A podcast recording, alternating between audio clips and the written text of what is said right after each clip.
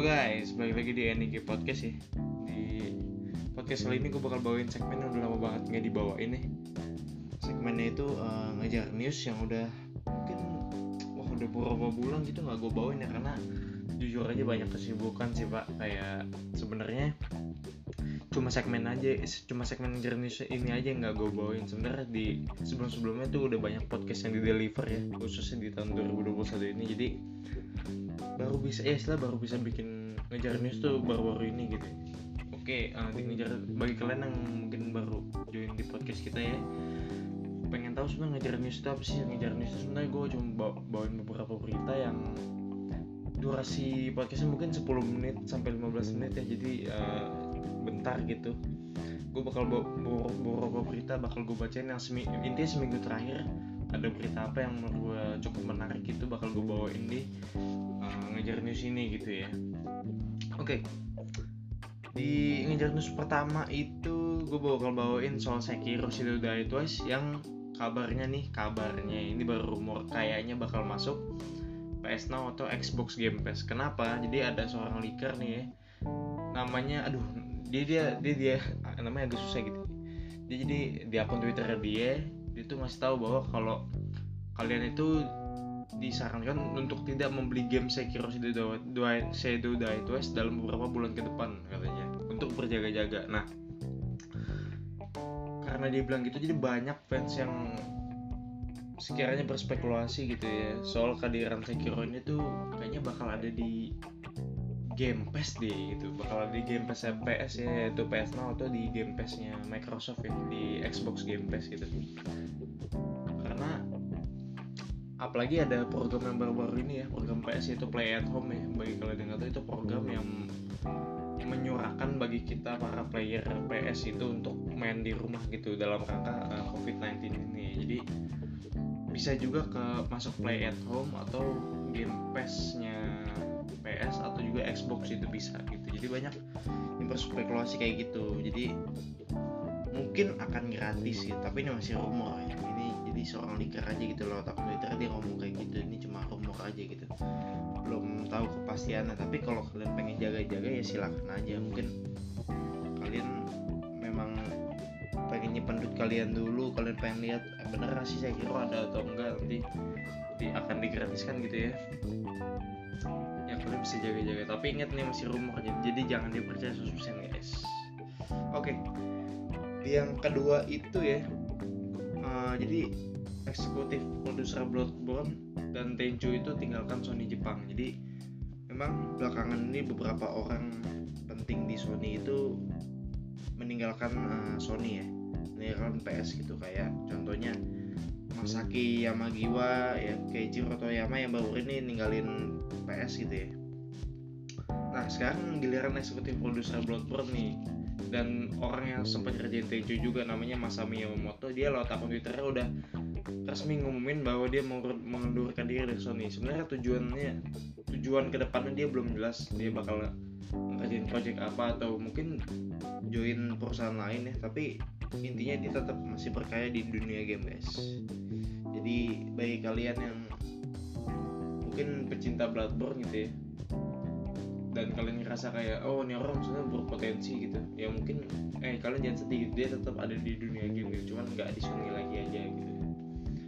Oke di yang ketiga ini ya jadi ada karakter jadi sempat diumumin waktu itu ya ada karakter baru dari Tekken 7 ya. Kalau nggak salah itu masuk ke DLC gitu ya masuk ke DLC jadi sekarang namanya udah diumumin ya itu namanya adalah Lydia Sobieska ya Lydia Sobieska dan katanya ini fighting fighting style dia adalah karate. Kenapa? Jadi beberapa hari yang lalu ya jadi uh, Bandai Namco itu sempat ngirim beberapa media kit ke para para media yang udah cukup besar ya, kayak GamePro dan sebagainya.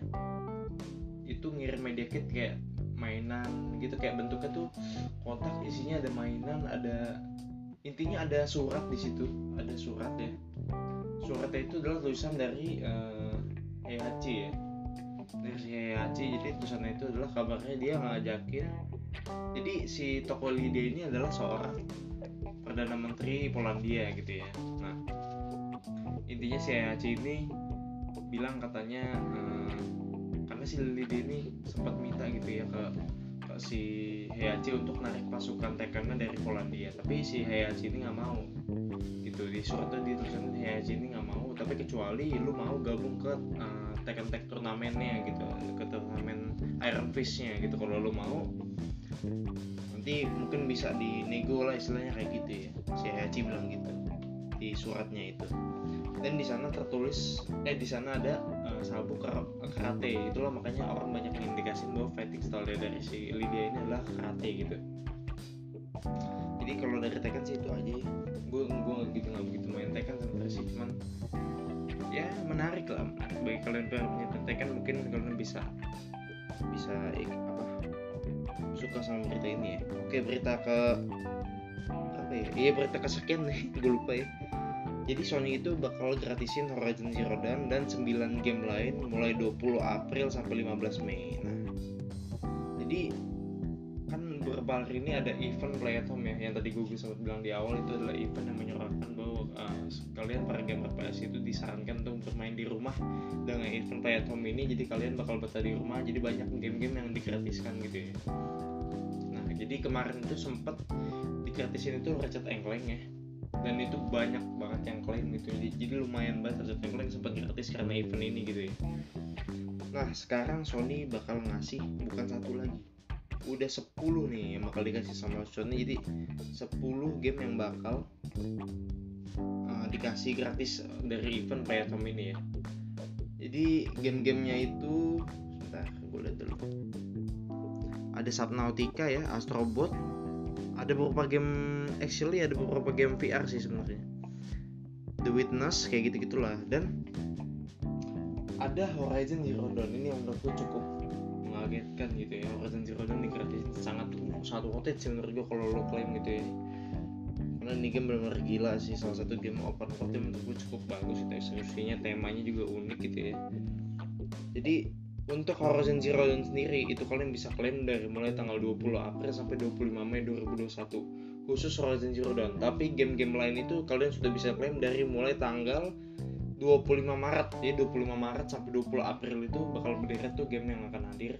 Jadi kalian pantengin aja tiap hari mungkin bakal diperbarui gitu klaimnya ya jadi kalian bisa klaim dari situ. Tapi kalau untuk Horizon Zero Dawn itu dari tanggal 20 April. Dia khusus dia paling terakhir lah istilahnya. Sampai 25 Mei 2021 jadi itu aja sih. Kalau kalian mau klaim jangan lupa ya. Intinya kalian pantengin aja tiap hari ya. Uh, di PS kalian gitu kan. Siapa tahu kalian tertarik gitu untuk klaim oke. Okay. berita keberapa ya? Ini gue lupa anjing gue bikin nomor-nomornya lagi gue lupa deh. Intinya berita selanjutnya adalah game mobile FF7 Ever Crisis.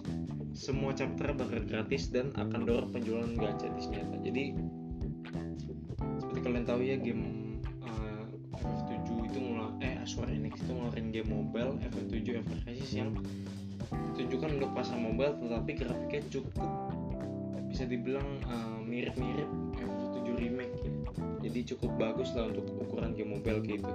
Nah game ini katanya bakal uh, kontennya itu akan uh, dari akan tersebar dari seri original hingga Dire of Cerberus ya.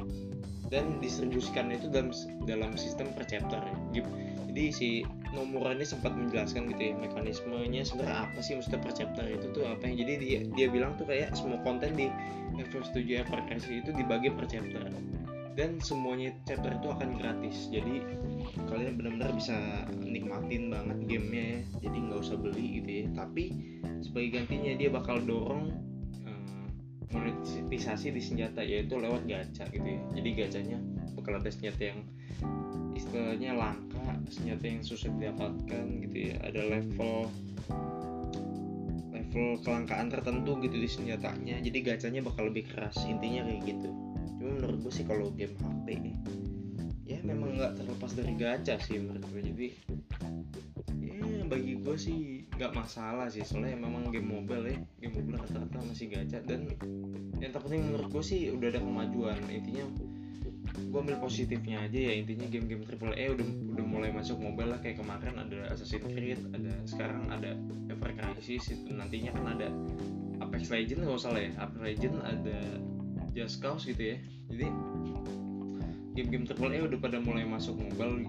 Gue sih positifnya ke situ aja gitu. Jadi walaupun tetap ada gacha setidaknya game mobile udah mulai di udah masuk mulai masuk ke ranah game mobile gitu. Semoganya semoga aja makin ke depan uh, bisa lebih diekspor gitu pasar game mobile oleh developer developer triple A gitu ya. Di situ sih gue senangnya sih di situ aja gitu sebenarnya. Walaupun gacanya ya bisa gue bilang ya, ya udah lumrah deh lumrah lah untuk di game mobile gitu ya. Jadi gitu aja. Uh, berita selanjutnya itu jadi Life is Strange ya. Dikonfirm bakal ada yang ketiga namanya Life is Strange True Color. Jadi waktu acara kemarin Square Enix Present itu dia sempat announce sebuah trailer gitu ya yang ngumumin bahwa akan ada is Strange ketiga namanya is Strange True Color. Jadi lokasinya itu bakal ada di daerah bernama Heaven ya kayak daerah fiksi ya. Dan akan berfokus ke petualang karakter bernama Alex Chen yang tengah mencari kebenaran atas kematian saudara laki-lakinya. Nah jadi ceritanya tuh kayak gitu gitu ya. Jadi kan kembali kalian yang tahu itu Life is Strange itu kan tokoh-tokohnya semua mempunyai kekuatan ya. Kayak yang pertama itu dia bisa rewind waktu bisa dia bisa rewind waktu lah pokoknya yang kedua itu di konsol dia bisa kayak semacam telekinesis gitu ya kalau ya Strange 2 yang ketiga ini dia kekuatannya adalah bisa membaca kebenaran lewat emosi seseorang gitu. Jadi karakternya ini juga cewek ya dia MC nya cewek gitu ya udah confirm dia cewek dia cewek udah lihat trailer dia cewek. Dan kekuatan tuh kayak gitu gitu cuman tapi uniknya di live stream ketiga ini uh, dia bakal sebentar. Dia tidak akan hadir dengan episodik gitu karena kan kalau kalian tahu live stream itu kan per episodik ya. Jadi kayak satu chapter satu chapter gitu. Jadi hadirnya tuh pelan pelan banget gitu ya. Nah di sini bakal full jadi dirilis full game gitu. Jadi nggak episodik lagi. Nah ini cukup bagus menurut gue karena ketika suatu game naratif uh, heavy naratif itu lu kasih per periode gitu menurut gue jadi feel tuh gak kurang gitu ya. Jadi kalian kayak ada sempat ada jedanya gitu untuk kalian bisa menikmati gamenya. Menurut gue cukup bagus sih kalau dirilis full game gitu ya karena kalian benar-benar bisa enjoy ceritanya dari awal sampai habis nggak ada gangguan gitu ya. Nah, dirilis ini bakal dirilis eh Live is ini bakal dirilis tanggal 10 September 2021 di platform PS5, PS4, Xbox Series S dan X, Xbox One dan PC via Steam. Jadi cukup accessible lah kalian pengen mencoba gamenya accessible banget gitu ya jadi kalian bisa lewat PC bisa lewat konsol gitu jadi ya menurutku Life is salah satu seri yang seri heavy narrative menurut cukup worth it tuh ya jadi patut ditunggu patut ditunggu oke selanjutnya adalah Project Atia. Jadi Project Atia ini akhirnya mempunyai nama finalnya yaitu Forspoken gitu. Ya. Jadi kan Project Atia itu adalah sebenarnya nama project gitu, bukan nama gamenya. Sebenarnya kan kayak gitu. Nah sekarang Square Enix lewat kemarin event Square Enix Presents ya, di itu merilis nama final dari uh, Project Atia itu Forspoken namanya. Nah Forspoken ini bakal dirilis uh, 2021 ya 2021 eh 2022 udah confirm bakal rilis jadi game tersebut nanti kalian akan berperan sebagai orang yang bernama Frey Holland jadi cewek ya yang seperti terdampar di sebuah pulau bernama Atia. Jadi itu sebenarnya project Atia itulah Atia itu adalah nama tempatnya gitu ya. Jadi bukan nama orang atau nama gamenya gitu ya. Demi melindungi diri dari dunia yang misterius. Frey juga harus menggunakan kekuatan magis untuk melindungi dirinya. Jadi ya tetap ada power gitu dan sebagainya ya. Intinya nama final adalah, adalah Forspoken gitu ya itu aja. Jadi selanjutnya adalah Warner Bros. ya. Jadi Warner Bros. ini resmi ya. Dia menyatakan bahwa Gotham Gotham Knight itu akan delay ke tahun 2022 gitu ya. Alasannya dia mendelay ini karena dia ingin mencipta. Jadi dia dia pengen tuh ketika game dirilis experience itu dapat ke para playernya gitu. Jadi intinya dia ya, yang dia alasan alasannya adalah kematang tingkat kematangan game aja sebenarnya. Jadi dia pengen game itu lebih matang lebih well well prepare gitu ya lebih lebih bisa dinikmati jadi dia lebih milih untuk mendelay dulu gitu karena kan sempat dia itu sempat pengen di delay ke 2020 eh sempat apa namanya dibilang akan rilis 2021 cuman kayaknya nggak nggak jadi gitu ya akhirnya di 2022 nanti bakal rilis. Jadi sebenarnya menurut gua nggak rugi sih untuk tim karena alasannya adalah dia untuk pengen lebih mematangkan game gitu. Menurut gua kalau kalau alasannya kayak gitu sih cukup cukup acceptable gitu ya. Karena ya daripada lu rilis game setengah-setengah gitu ya ujung-ujungnya bakal flop gitu ya. Mending lu delay dulu gitu sih menurut gue jadi jadi sabar aja ya. Baik kalian yang nungguin uh, nungguin Gotham Knight ya sabar ya guys oke mungkin berita terakhir yang bakal gue bawain adalah dari seri uh, Resident bukan seri dari film Resident Evil reboot ya yang katanya bakal rilis itu ya. Film Resident Evil reboot ini akhirnya punya nama final ya setelah dia sempat kalau kemarin udah selesai syutingnya proses syuting udah kelar. Udah ngumumin tanggal rilis juga ya tanggal rilisnya itu kalau nggak salah sebentar di 3 September 2021 ya udah official bakal rilis di Netflix juga kalau nggak salah. Akhirnya dia punya nama uh, nama filmnya gitu. Karena kan dulu kan kemarin itu cuma di Uganda cuma namanya itu Resident Evil movie reboot gitu kan. Nggak ada nama officialnya. Akhirnya nama official adalah Welcome to Raccoon City gitu ya. Akhirnya diumumin bahwa namanya adalah Welcome to Raccoon City. Jadi uh, produsernya ini juga nambahin beberapa info lain ya uh, untuk filmnya dia bilang katanya uh, game, uh, film ini adalah adaptasi dari dua game awal Resident Evil yaitu RE1 dan RE2 karena dia memasuki memasukin di film itu dia masuk memasukkan beberapa karakter yang ada di RE1 dan RE2 kayak Chris, ada Claire, Redfield, Jill Valentine, Leon dan lain-lain gitu jadi bakal ada gabungan dari dua dua seri game itu yang bakal jadi satu film gitu ya. Dan bersetting tahun tahun 8, eh, 98 jadi nanti akan cerita uh, Welcome to City ini akan menceritakan pada kita peristiwa kota Raccoon City yang dikepung oleh zombie. Dan beberapa tempat legendaris di gamenya bakal dihadirkan di film ini kayak mentionnya R1 dan PlayStation R2 jadi ditunggu aja tanggal 3 September namanya Resident Evil Welcome to Raccoon City.